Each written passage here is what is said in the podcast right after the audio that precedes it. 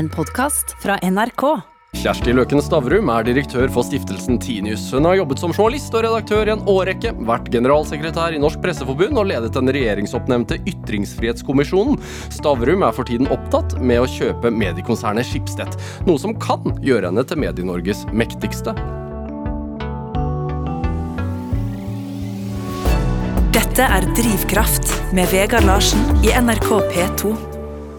Kjersti Løken Stavrum, velkommen til Drivkraft. Takk skal du ha. Hva syns du om den introen? Nei, den syns jeg var voldsom. Det er det det står. Det er det de skriver. Kan bli Medie-Norges mektigste, skriver avisene. ja. Ja. Jeg kommer ikke til å kommentere på det. Jeg kan bare si nedsider ved det, egentlig. Bare nedsider? Ja, Hvorfor det? det? Nei, altså, eh, jeg tror det er tosidig. Med makt kommer mye ansvar. Med makt kommer mye ansvar, med makt kommer stor falløyde også. Mhm. eh, og så, nei, jeg, jeg har en veldig stor østfolding i meg. Jeg har vokst opp i Østfold. Jeg kjenner at det er sånne ting, det, det lover ikke bra. Hvorfor det? Hva, hvordan henger det sammen? Nei, jeg vet ikke. Jeg tipper Vi fra Østfold og vil ikke gjøre så mye ut av oss, er det sånn? Ja, jeg tror det er litt sånn. Jeg tror vi skjønner, eh, og jeg har jo også blitt det direkte fortalt, at når du stikker hodet ditt fram, ja, da får du forvente at det blir kappa. Ja, men sånn er det jo blitt. Ja, det kan du kanskje si, men sånn har jeg i tilfelle vokst opp, da. Så for meg er ikke det noe nytt. Hva Når hørte du det fra? Altså hvor tidlig? Og jeg husker det helt konkret, for det var på et tidspunkt da jeg eh, var i ferd med å bli russeformann på eh, videregående skolen i Askim, hvor vi etter hvert flytta fra Sarpsborg. Eh, og da var det en som meldte det. Så liksom sånn at vi skulle være enige om hvor skapet sto, og det var der. Ja. Ja. Å, så det var ikke faren din? Nei, nei, nei, det, det ville ikke de ha sagt. Nei.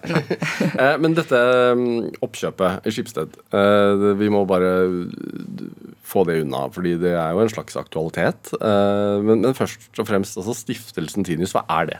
Stiftelsen Tinius er basert på en eierandel som Tinius Nagel Eriksen, som var en av arvingene til Skipsted, han valgte å ikke selge sine aksjer da Skipsted ble børsnotert. Han la de i først et eget selskap, og så kom han på at det kunne være at han også døde. Han holdt det litt åpent, at han kanskje var en av de få som ikke gjorde det. Men han gjorde jo det, og, og det så, på det tidspunktet da så så øh, var øh, Så opprettet han en stiftelse som hadde da full kontroll over denne aksjeposten. Eh, og, og formålet med stiftelsen er at vi skal sikre en bærekraftig økonomi, langsiktig bærekraftig økonomi i Skipsted, sånn at mediene der blir ivaretatt og kjennetegnes ved kvalitet og uavhengighet, annet. Ja, og Skipsted i dag eier Skipsted av medier, de eier VG, eh, Aftonbladet i Sverige, eh, Aftenposten, Svenska Dagbladet, Bergens Tidende og Stavanger Aftenblad. Og Omni i Sverige, som er en ganske spennende enhet. Og så har de en stor aksjepost også i Polaris, som bl.a. har Adresseavisen. Og, ja. Og også Finn og andre ting. I tillegg, for de har jo også da en stor, eh, eller store verdier, som også er en del av årsaken til hvorfor vi gjør det vi gjør nå, er at eh, Finn og Blokket i Sverige, eh, tilsvarende Den blå avis i Danmark og Oikotei i, Finland, det det er mye som tyder på at aksjonærene er mer opptatt av den siden av selskapet enn mediene. Ja, Så det er et mulig oppkjøp av mediesiden av Skipsted fra Tinius. Også fordi Tinius er jo eier i dag. Det- Vi eier eh, 27 av Skipsted, og er den desidert største eieren og har såkalt negativ kontroll. Det høres ikke bra ut, men det er veldig bra å ha det. Ja, Men ved et eventuelt oppkjøp så har man eh, positiv kontroll, holdt jeg Da på å si. vi det, det vi jo gjør, holder på med nå, eh, er jo at vi da deler Schibsted i to, sånn at mediedelen blir et eget selskap som stiftelsen da ønsker å eie 100 Mm. men vi blir fortsatt værende eh, eh, største eier i, i, for disse Finn-selskapene, da. Ja, hvorfor er dette en god ting for, for Medie-Norge? Jo, vi har pekt på at nå kommer det en, nå er vi ved nok en korsvei med kunstig intelligens. Vi ser at sånn som Schibsted er nå, så, så er det naturlig at uh, eierne av, uh, av Schibsted ønsker at det investeres i de veldig lønnsomme rubrikkselskapene, som Finn, da. Uh, mens de er ikke noe glad i investeringer på mediesiden. Og vi, vi ser da litt sånn mm, framover i tid at de vil bli underinvestert. De er veldig uheldige på det tidspunktet vi er nå. Og, eh, samtidig som de vil på en måte uh, synke hen i felleskostnader i et sånt selskap. Så vi eh, tenker at det, det ble et, et riktig øyeblikk å gjøre dette på. Så skal det også sies at stiftelsen var ikke noe rik stiftelse da jeg begynte, som er lenge siden, for jeg har sittet i styret som varamedlem siden, siden 07. Så hadde vi jo ikke råd Jeg husker vi diskuterte et av de første møtene jeg var på, om vi hadde råd til å lage en nettside. Og det er liksom Det er litt sterkt å tenke på når vi nå i dag har 20 milliarder i verdier. Hva har skjedd? Veldig mye som har vært riktig og klokt. Ja, Hva er det? Nei. Nei hvordan, hvordan gå fra nesten ikke råd til en nettside, som koster da 50 000 kroner kanskje å lage, til at man har 20 milliarder? Det har både noe med hvordan strukturen i, i stiftelsen og finansieringsselskapet vårt, som heter Blommenholm Industrier, hvordan forholdet dem imellom er. Vi har bl.a. kjøpt ut barna til Tinius, som var, som var medeiere i, i Blommenholm. Og så har det noe med at vi på et tidspunkt delte Skipsted fra de internasjonale rubrikkselskapene. Det var, det, ble, det var, i 2018, og det var da en av de største børsnoteringene på Oslo Børs noen gang. Og det selskapet heter Adevinta. Og det har vært en veldig lønnsom ting, må ja. vi kunne si. Ja, så, Og så går rubrikkene så, så all, Digitaliseringen har egentlig vært veldig bra for, for stiftelsen. Pga. Finn og pga. disse rubrikkstedene? Det, jeg vil jo si at digitaliseringen har vært bra for hele samfunnet. Ja. Men, men, når det kommer til digitaliseringen for, for Skipsted, så var det jo særlig gunstig at noen veldig tidlig så muligheten til å ta det som allerede da var jo cashkua i avisene, nemlig rubrikkannonsene, Mm. så gjorde de noe kjempedristig. De tok de ut og lagde en digital tjeneste. Og det visste man jo ikke. Det eneste man visste da, var at man ris risikoutsatte viktige inntekter i papiravisa. Og så har jo det gått som ei kule. Mm. Hva sier det egentlig om medielandskapet i dag? At uh, det må en stiftelse til for at aksjonærer skal være villige til Eller for at, for at det skal gå rundt? Jeg tror en forklaring er jo rett og slett at mediene har jo nå vært i en ganske lang transformasjon, altså overgang fra papir til det digitale. Mm. Eh, og, og det, jeg, synes, jeg liker litt den amerikanske eh, snakket om det. ikke sant? At du går fra papirdollar til eh, nettsendt til mobildimes. Altså til, fra, fra, fra, sedler til kroner til øre. Mm. Sånn at medieøkonomien har jo Lønnsomheten har jo gått ned etter hvert som det har vært mye lettere å kunne formidle informasjon. Uh, rett og slett. Så det er jo det er, det er, jo en viktig grunn. Uh, når du eier et selskap og investerer i et selskap, så, så er jo de, de fleste gjør jo det fordi de ønsker avkastning. Uh, enten i form av utbytte eller at verdiene stiger på aksjene dine. Mm. Og det, der har jo mediene vært gjennom, som de fleste har fått med seg, tunge omstillinger med mye nedbemanninger og mye kostkutt. Og, og det kommer jo hele tiden, fordi det, vi, mediene er også veldig påvirka av syklusene. Når det, går dårlig, når det går dårlig i samfunnet, så går det dårlig for mediene nå, for da er det ikke så mye annonsekroner, og så har vi det gående egentlig litt kronisk, da. Hva er virkeligheten i dag, da? Nei, nå er det jo, det er jo alltid, Juryen er jo alltid ute til enhver tid og lurer på hvordan det kommer til å gå framover. Men eh, det er jo ting som tyder på at også 2024 kan bli et, et bratt år. Ja. Hvor mange nedbemanninger har du observert siden du har startet i mediebransjen? Altså, jeg kom jo inn Da jeg kom inn i Aftenposten, det var i 1991, da hadde den første gjengen fått såkalt golden handshake. Det vil si veldig lønnsomme pakker for å, for å slutte, da. Mm. Og så har jo de etter hvert blitt hetende sluttpakker, men det har vært veldig mange av dem.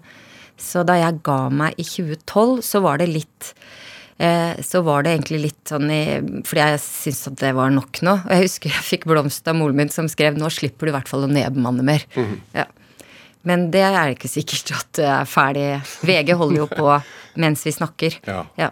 Mm. Uh, men blir ikke overskudd vesentlig i forhold til et, når stiftelsen sitter ved roret?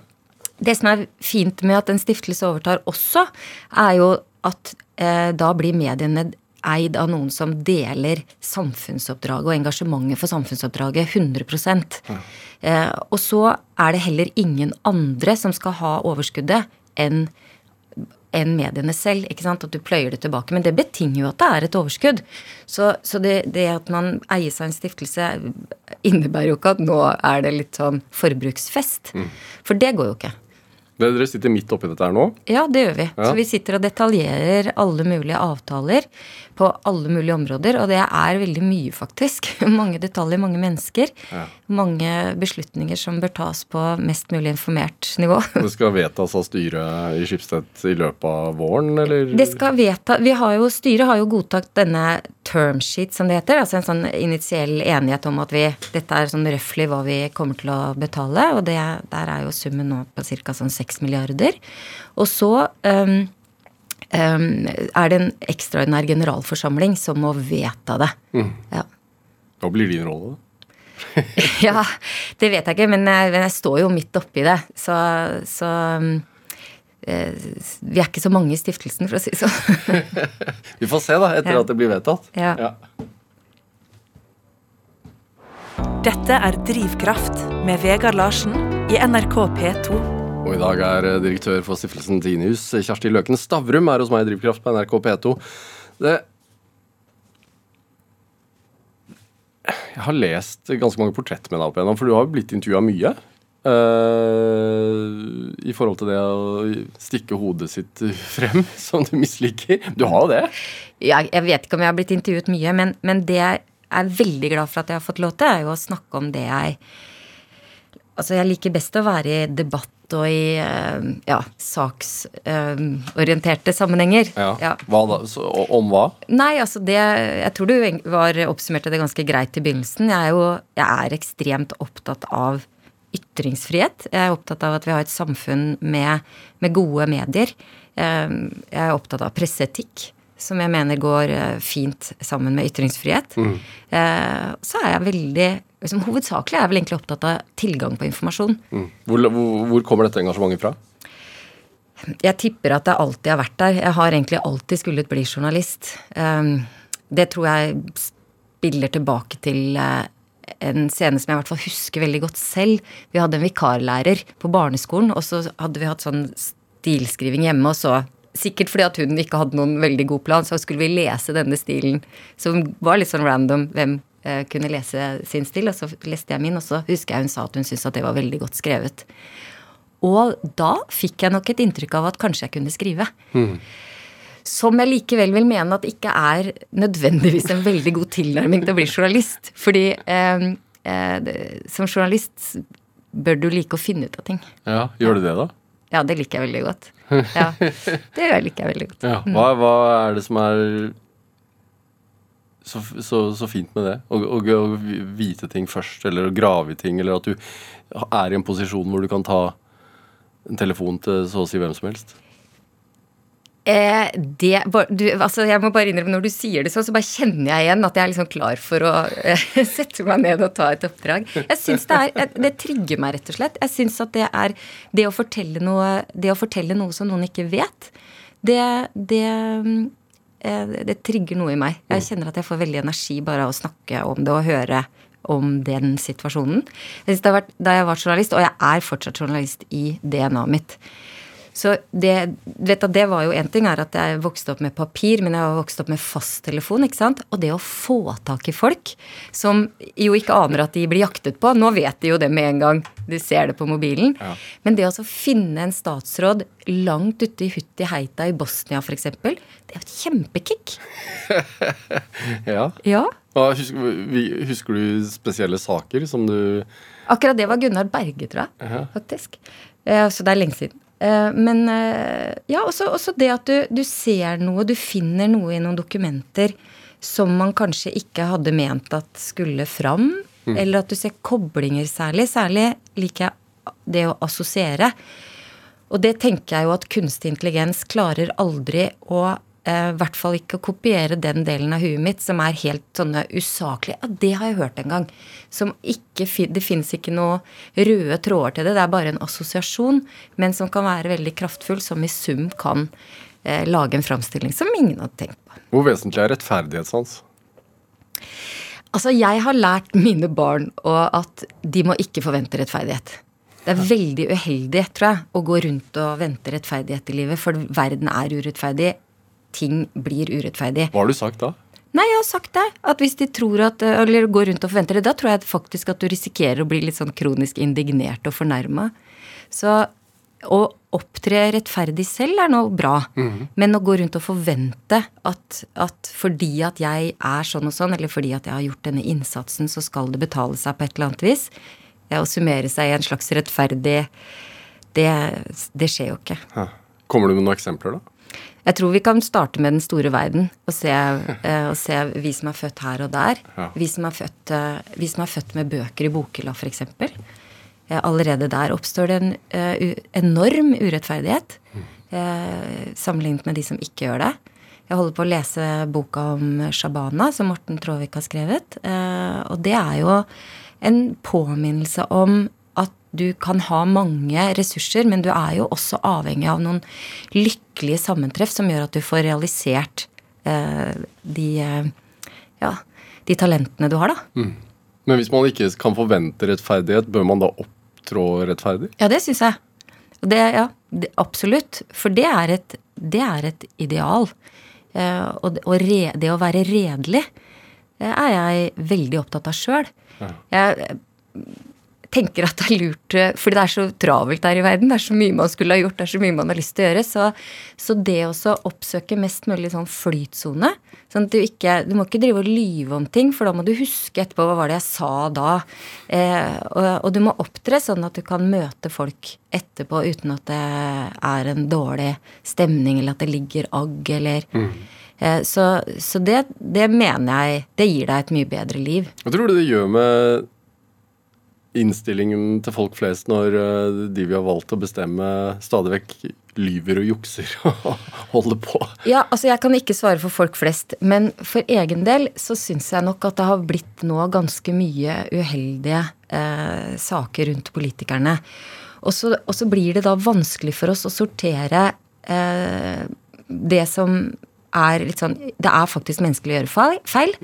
Eh, og vi vil ha politikere som, som tross alt ligner på folk. Eh, og som ikke er, liksom har ligget under en stubbe, og så graver vi de fram. Og de har jo verken levd eller skrubba seg.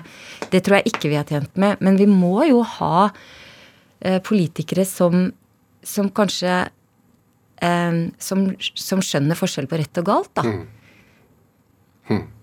Hvor vesentlig er mediene der? De har en veldig stor rolle. eh, Og, eh, og typen medier er også veldig viktig.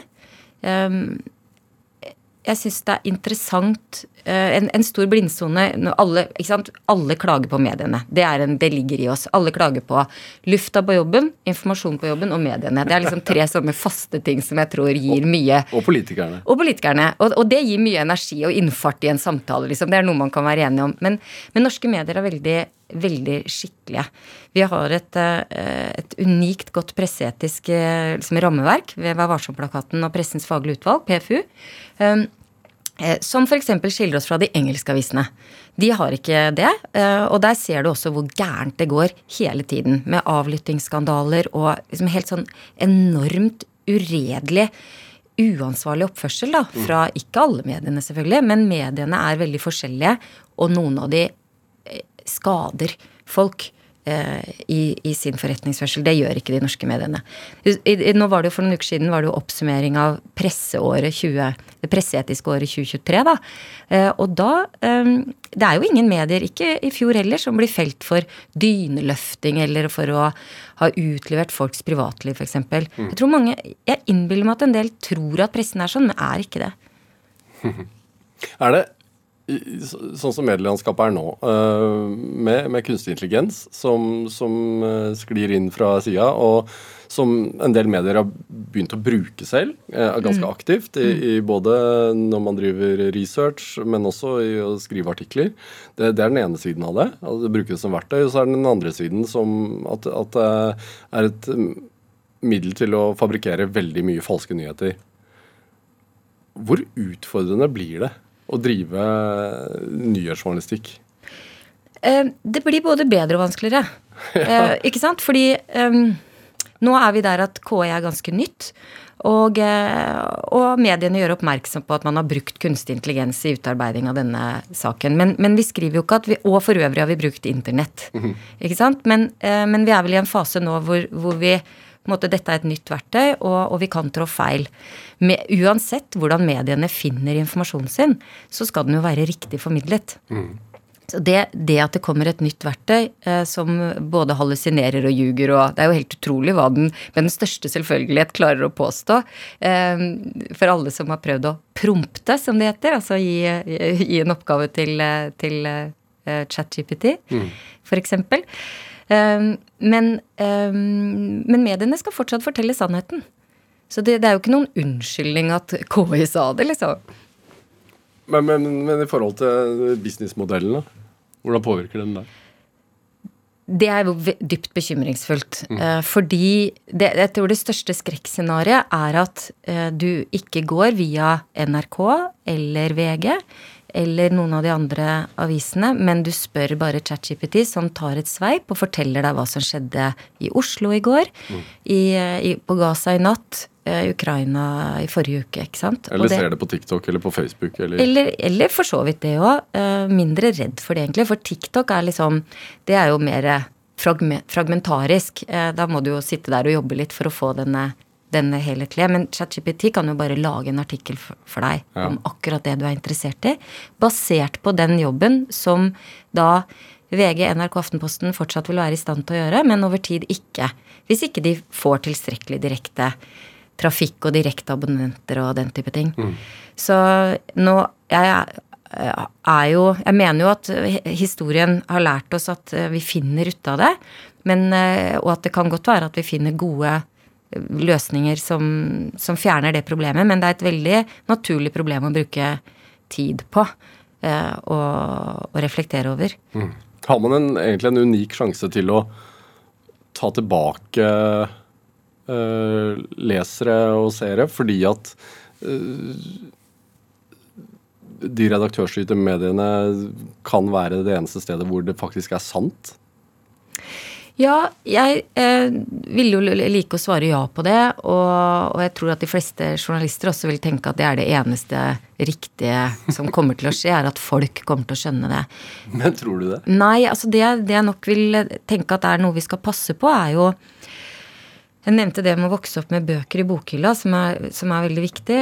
Uh, og, og, det kan jo være at det blir ressursskiller, de som skjønner det, uh, som, som, vet å orientere seg. Det blir litt som En god parallell er jo ikke sant, det at, eh, at, du vet hva slags mat som er sunt for deg, og at du vet hva slags mat som ikke er sunn. Én ting er at vi som spiser usunn mat, vi vet at nå sitter jeg og spiser usunn mat. Mm.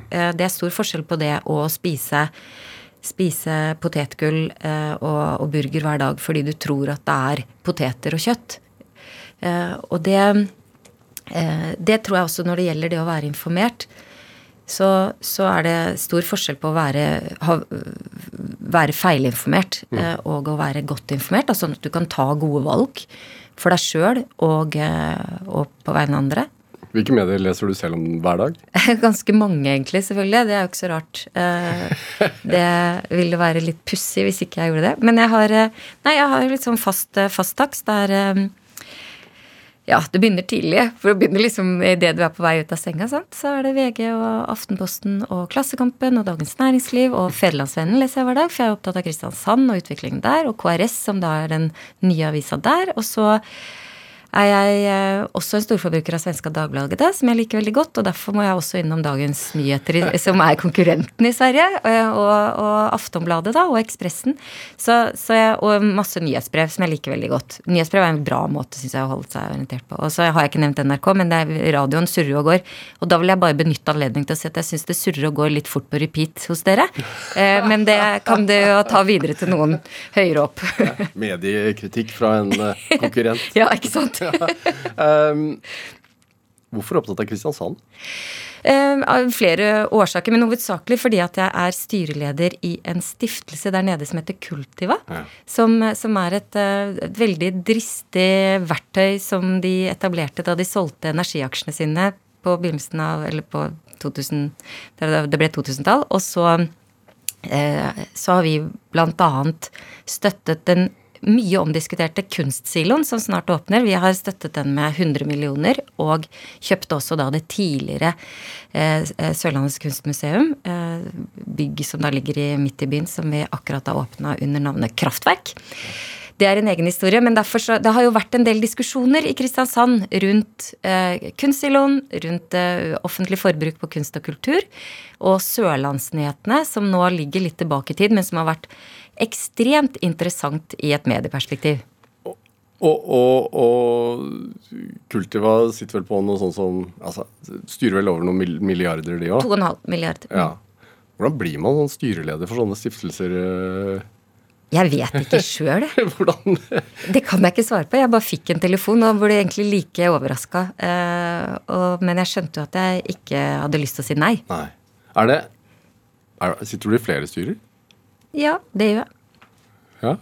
Hvilke? Mm, jeg sitter også, uh, siden det er omtrent på samme sted, jeg er styreleder for Fjæreheia Amfi, som er et fantastisk utendørsteater, steinbrudd i Grimstad. Grimstad jo, er jo arnested for både Ibsen og Hamsun. Uh, så det holder vi på å få opp og stå nå. Det er en krevende oppgave, men skal bli veldig veldig gøy. Og så sitter jeg i faktisk.no-styret, og det har jeg gjort siden oppstart. Uh, som sjekker Som sjekker det offentlige ordskiftet. Mm. Det var jo en nykommer eh, i, eh, i det norske mediebildet som kom etter at Trump lærte oss forskjell på real news og fake news. Og det har vært veldig interessant, syns jeg. Mm. Hva har du lært der? Hva jeg har lært? Mm. Jeg har lært at det offentlige ordskiftet i Norge er ganske bra. Det er ikke så mye falske nyheter ute og går. Men, men, og derfor bruker de også mye kapasitet og har blitt flinke til å lære elever og andre kildekritikk. Mm. Som egentlig ikke er noe bra ord. Men det å være kritisk til hvor informasjonen kommer fra. Hvor kritisk bør man være? I 2024? Ja, ikke sant. Man, man Jeg syns jo man må jo på et sett og vis kunne sette ned foten og, og, velge å stole litt på ting du ikke nødvendigvis har sjekka helt til bunns, for ellers så kommer du jo ikke videre. Men uh, New York Times hadde her om dagen en uh, sånn test deg selv hvilket av disse bildene tror du er lagd av kunstig intelligens, og hvilket er ekte. Uh, og det var ti bilder, og jeg svarte rett på fem av de. og det var egentlig mest sånn ok, det forrige var lagd av KI, da kanskje dette ekte. Altså det var vill gjetting fra min side. Mm. Eh, og jeg la det ut på Facebook og ser at andre også svarer omtrent tilsvarende. Så det, det, det egentlige budskapet ligger der, er at du har ikke sjans. Det er skummelt. Ja, det er det selvfølgelig. Ja. Og så har du vært styreleder for eh, Ytringsfrihetskommisjonen. Uh, også Norsk Penn før. Ja. Er det, siden dette programmet heter Drivkraft, er det, har posisjonering vært viktig for deg? Nei, det har det ikke. Uh, det, nei, ikke. Og heller ikke har jeg tenkt på dette med å det, Jeg hører mange sier at det er viktig å ha et mål. Det har jeg heller ikke hatt. Eh, men det, og det gir seg liksom selv. Fordi at jeg kunne jo ikke hatt mål om det som skjer med stiftelsen nå. Eh, men, men Så det er nok egentlig bare riktig at jeg er, veldig Jeg er opptatt av og mener at det er viktig det um, at vi har et opplyst offentlig ordskifte. Det er, det, det er, den viktigste verdien vi har. Jeg sitter også i Nå høres det ut som jeg ikke gjør noe annet å sitte i styrer, men, men jeg, jeg, jeg, som styremedlem i fotballklubben Koffa, som nå mirakuløst er oppe i Eliteserien. Da fikk jeg nevnt det. Eh, Koffa er en klubb som du skulle ønske at kom opp i Eliteserien, for den er veldig nedpå. Eh, den bruker ikke mer penger enn den har. Altså KFUM? KFUM, ja. ja. Koffa. Koffa, ja. ja. ja. Eh, og, eh, og, der eh, styrle, styremøtene der begynner jo innimellom med ord for dagen, som bibelord for dagen. Og det er det jo ikke eh, De andre pleier å De spør egentlig aldri meg om det.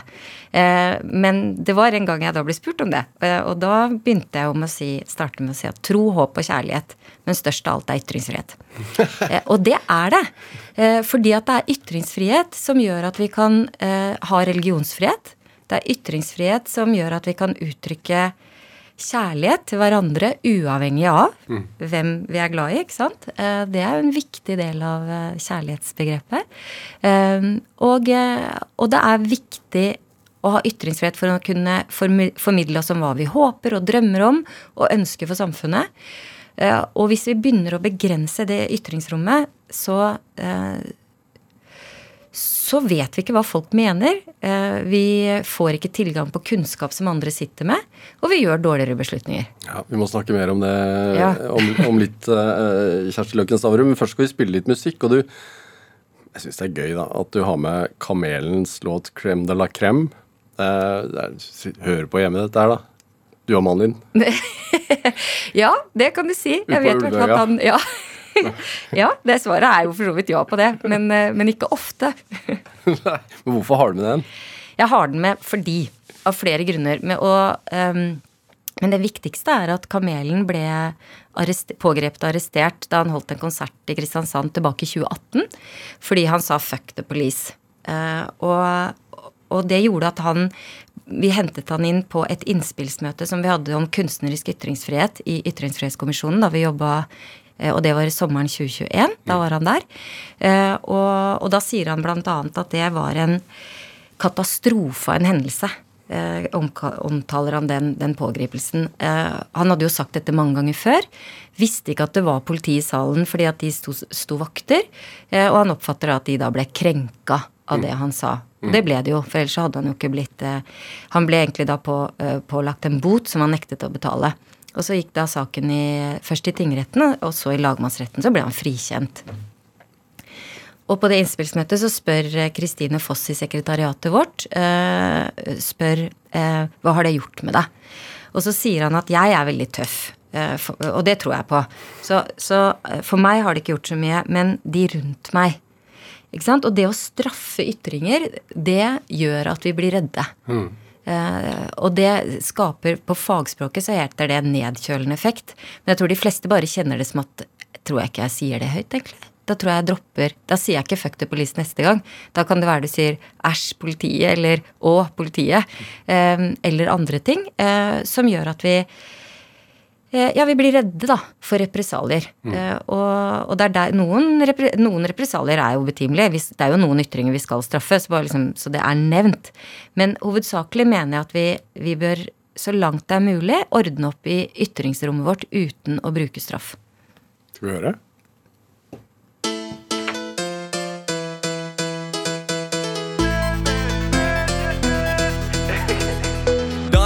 Dansegulvet rister, brister, mister alle hemninger. Meg og mine kjenninger sykler på noen kjerringer. Formen går i bølger. Uh, ravet siden klokken to. Jeg kan ikke stoppe nå, for du vet at linja går ned på do. Uh, og du ser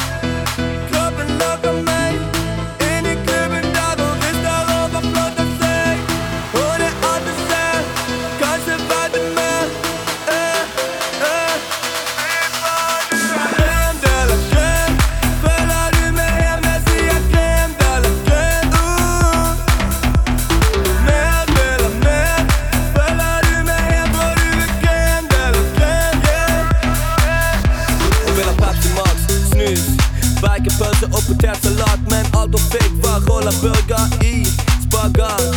Kjøtt, fy faen. Grey Goose og noe eplejus, kanel og is i med krus. Vi hakker nebb mens vi mekker tjus. Og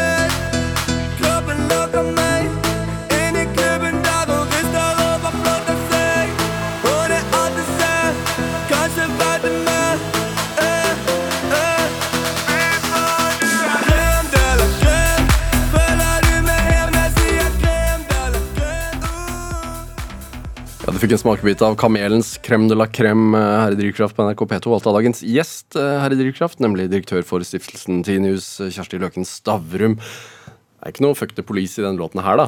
Dette er jo mer sånn partylåten hans. Ja, det er det. Men hvis du ser eh, teksten, så, så kan det være at du tenker at hvorfor i all verden trakk hun fram den låta der? Ja. Um, og det kunne man jo selvfølgelig diskutere. Um, men, men jeg ser Den ble jo for øvrig nominert til P3 Gull eh, tilbake i 21 eller noe sånt. Men, eh, men han omtaler den også som en bullshit-låt.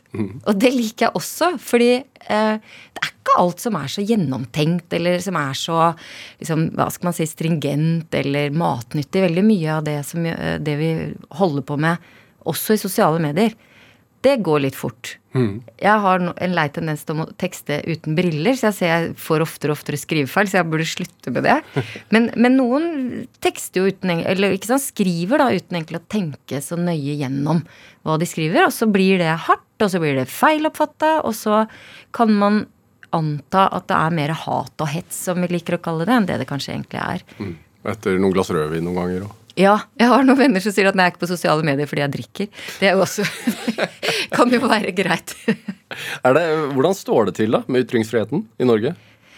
Vi er jo på et ekstremt privilegert sted, eh, og det var det viktigste budskapet vi kom med i eh, vår utredning eh, etter Ytringsfrihetskommisjonens arbeid, at vilkårene for ytringsfrihet i Norge er gode. Og, og mitt inntrykk er jo da at det kom som en overraskelse. Og det er i så fall veldig interessant. Eh, For her sitter vi da i verdens mest pressefrie land. Vi er jo kåret som det mest pressefrie land år etter år etter år. Eh, antatt å være et av de sterkeste demokratiene i verden. Eh, og et av de mest ytringsfrie. Vi har en veldig god lov om retten til tilgang på informasjon.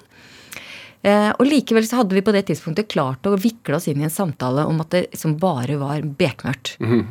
Eh, og det at vi evnet, tror jeg, da, å løfte blikket litt og se på hva er det vi eh, fakt Hvordan er det egentlig er?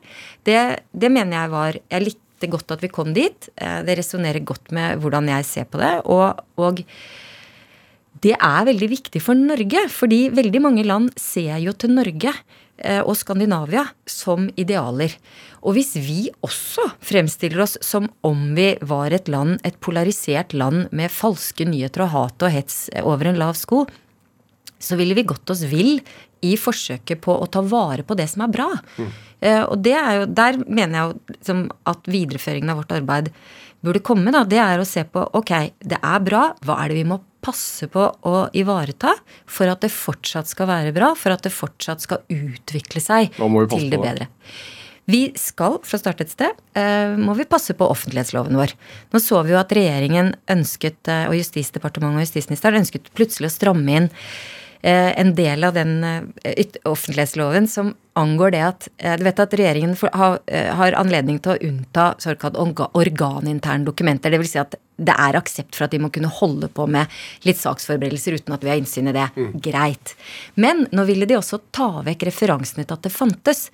Eh, og det vil si at de da ga seg selv fullstendig hemmelighold uten at vi liksom visste hva de surra med, da.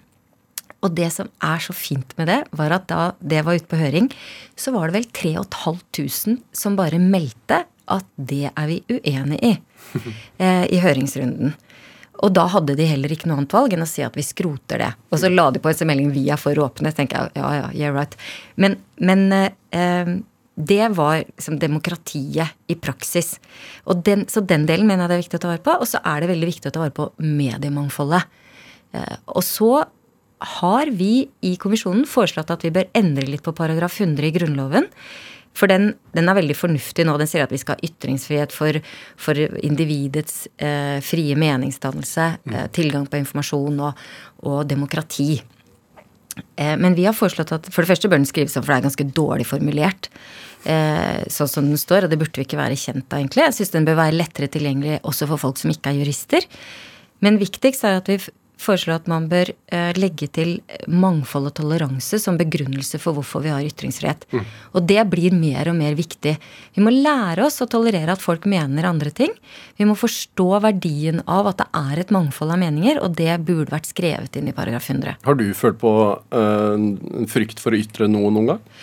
Altså ikke frykt, Men, har du sittet med noen meninger sånn nei, jeg orker ikke å si det høyt? Fordi Ja, og det er jo ofte rent pragmatisk, fordi at det, eh, det har med tid å gjøre. For da tenker jeg at jeg har ikke tid til å, å ta debatten i sosiale medier. Som, som man ikke bør Man bør ikke velge sånn så ofte. Men, eh, men det kan nok godt være at jeg også har ment ting jeg holder tilbake. Men jeg er ikke egentlig en som liksom Jeg har ikke sånne Jeg ser ikke på meg selv som jeg har veldig sterke meninger. Sånn Way, nå skal jeg liksom rocke ordskiftet.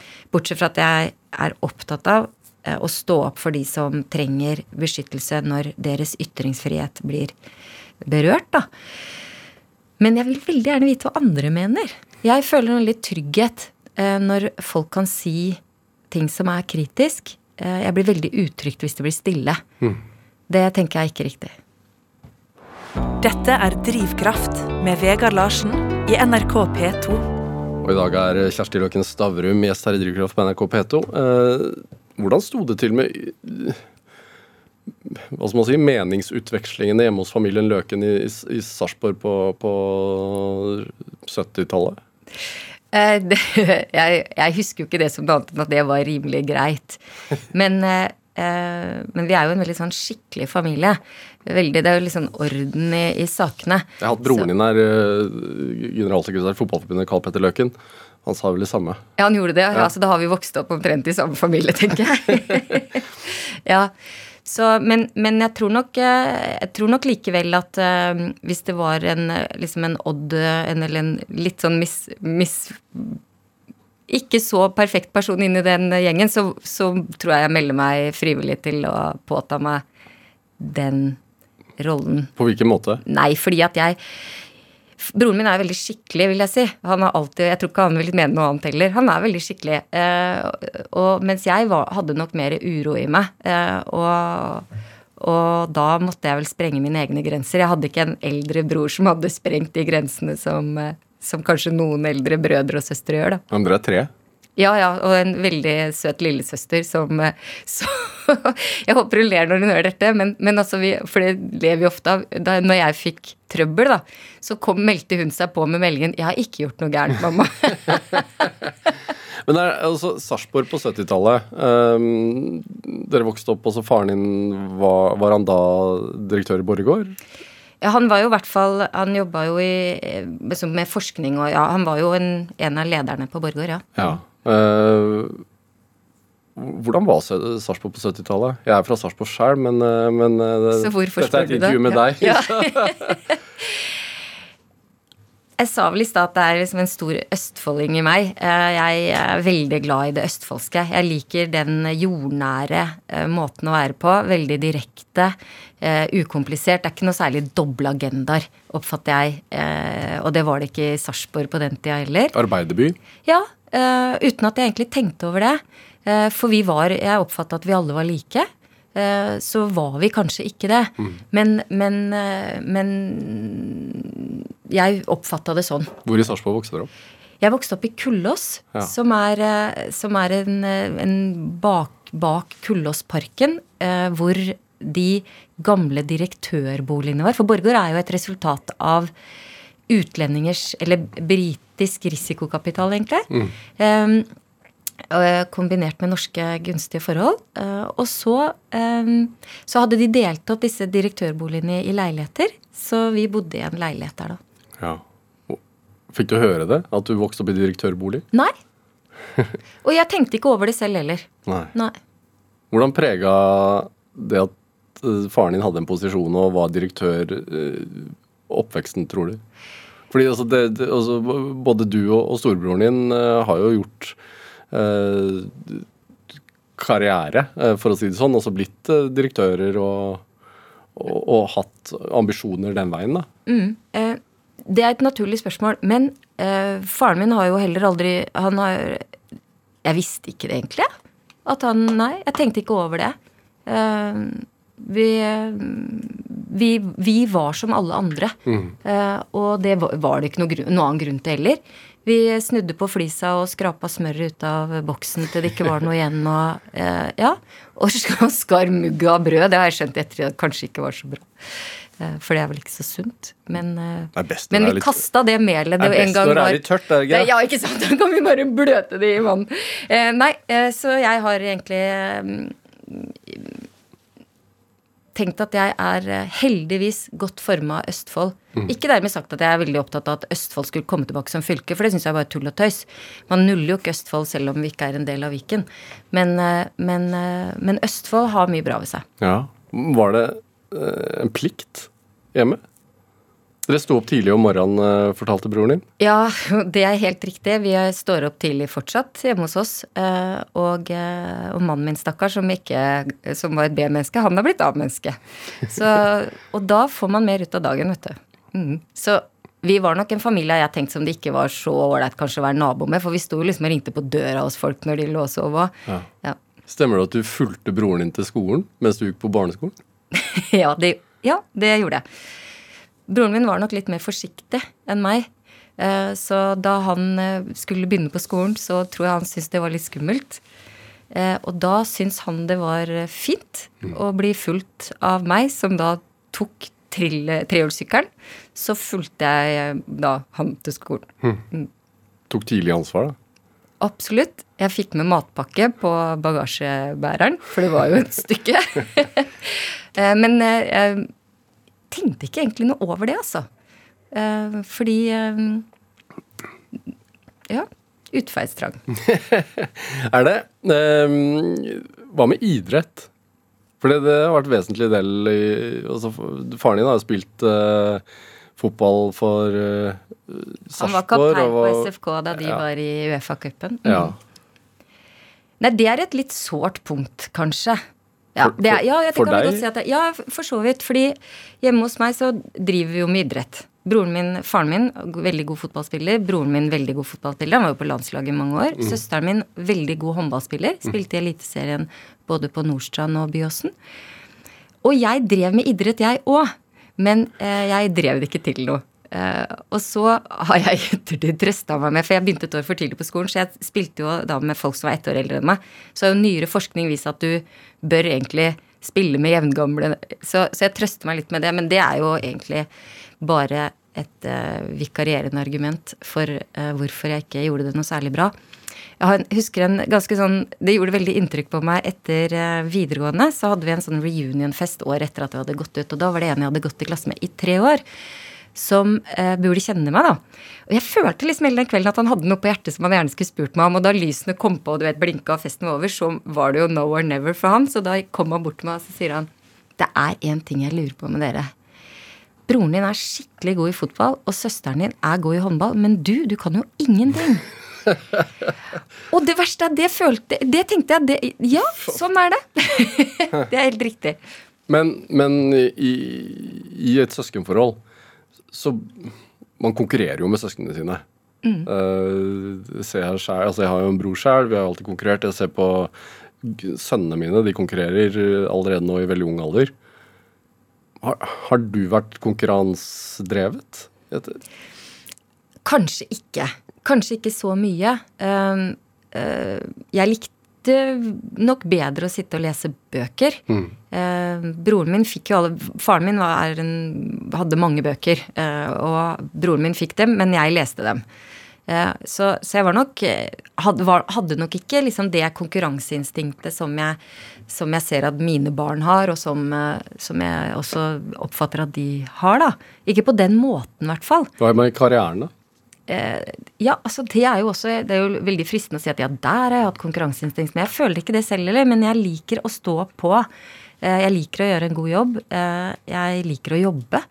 Jeg hadde tre jobber ved siden av skolen helt fra jeg gikk på ungdomsskolen. Eh, Så, så for meg er det som den naturlige delen av livet er at du jobber. Mm, Hvorfor det? Hva er, hva, mange tenker altså, Det er jo en trend i dag sånn jobbe mindre, leve mer. Eh, pensjonere seg tidlig, eh, snakker man om. sånn tjen, Spar så du kan pensjonere deg tidlig. Ja, det for meg er jobben livet. Eh, Men det er jo også fordi at jeg har vært så heldig å jobbe med helt vanvittig interessante ting. Og veldig interessante og spennende og hyggelige og bra folk. Som eh, Ja, hele veien. Så, så det kunne jo være at det hadde stilt seg annerledes hvis, jeg ikke hvis jobben på en måte var mer enn ja, noe jeg ikke kjente at uh, fikk hjertet mitt til å slå, da. Hvor mange timer om dagen? Jeg føler egentlig at jeg jobber hele tiden. Jeg, er på mobilen eh, Jeg liker ikke å være på jobben sånn og sitte utover på kvelden, eh, men det trenger jeg jo ikke heller. For det nå, og det har jo også vært en gave for meg, er jo at eh, jeg har jo kunnet være leder på ryggen av alle alle gode utviklinger, sånn at jeg har kunnet lese mail mens jeg har stått på sidelinja og heia på barna. liksom. Ja, så er du tenker du har vært redaktør i, i Kunder og klær. Eh, redaktør i Aftenposten, eh, i A-magasin og i Aften etter hvert. Eh, generalsekretær i Norsk Presseforbund, og, og nå da i stiftelsen Tinius som leder der. Eh, det med ledelse altså Én ting er jo det at eh, lederen liker å jobbe, det er jo vesentlig. Men hvordan overfører man det, da? Nei, det, det er ikke så viktig å overføre. Det viktigste å overføre som leder er vel at eh, å bidra til at folk får gjort jobben sin og utvikler seg, og, og at man får til noe både alene og sammen. Eh, og at det er bra arbeidsmiljø, egentlig. Hvordan skaper man det, da? Ja. Det fins det jo ikke en oppskrift på. Eh, og det er jo også veldig avhengig av eh, Du har vært, blitt kåra til årets medieleder og Ja. ja nei, altså det Jeg klarer ikke å gi noe godt svar på det, men jeg tenker at det er viktig å være opptatt av det. Eh, og at eh, folk er veldig forskjellige. Jeg har jobba med mange bra folk, men også veldig mange forskjellige. Eh, og det at du Det kom jo en sånn lederbok for noen år siden at jeg behandler ingen likt, og det tror jeg er, en, det tror jeg er viktig å du kan ikke liksom definere deg selv som 'jeg er sånn og sånn som leder'. fordi eh, For det første vet du ikke om du blir oppfatta sånn, og for det andre så, så, så, er jo skreddersøm noe som folk egentlig både håper på og ønsker seg. Nå Var det Kvinner og klær du var, som var din første redaktørjobb? Eh, ja. Ja. Mm.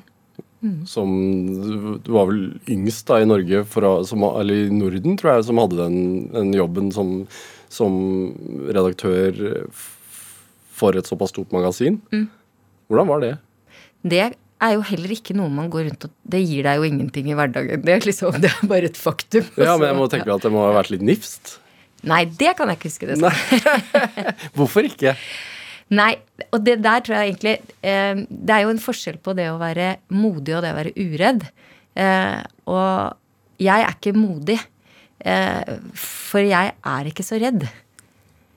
Jeg tenker at de er modige, de som bekjemper redselen sin.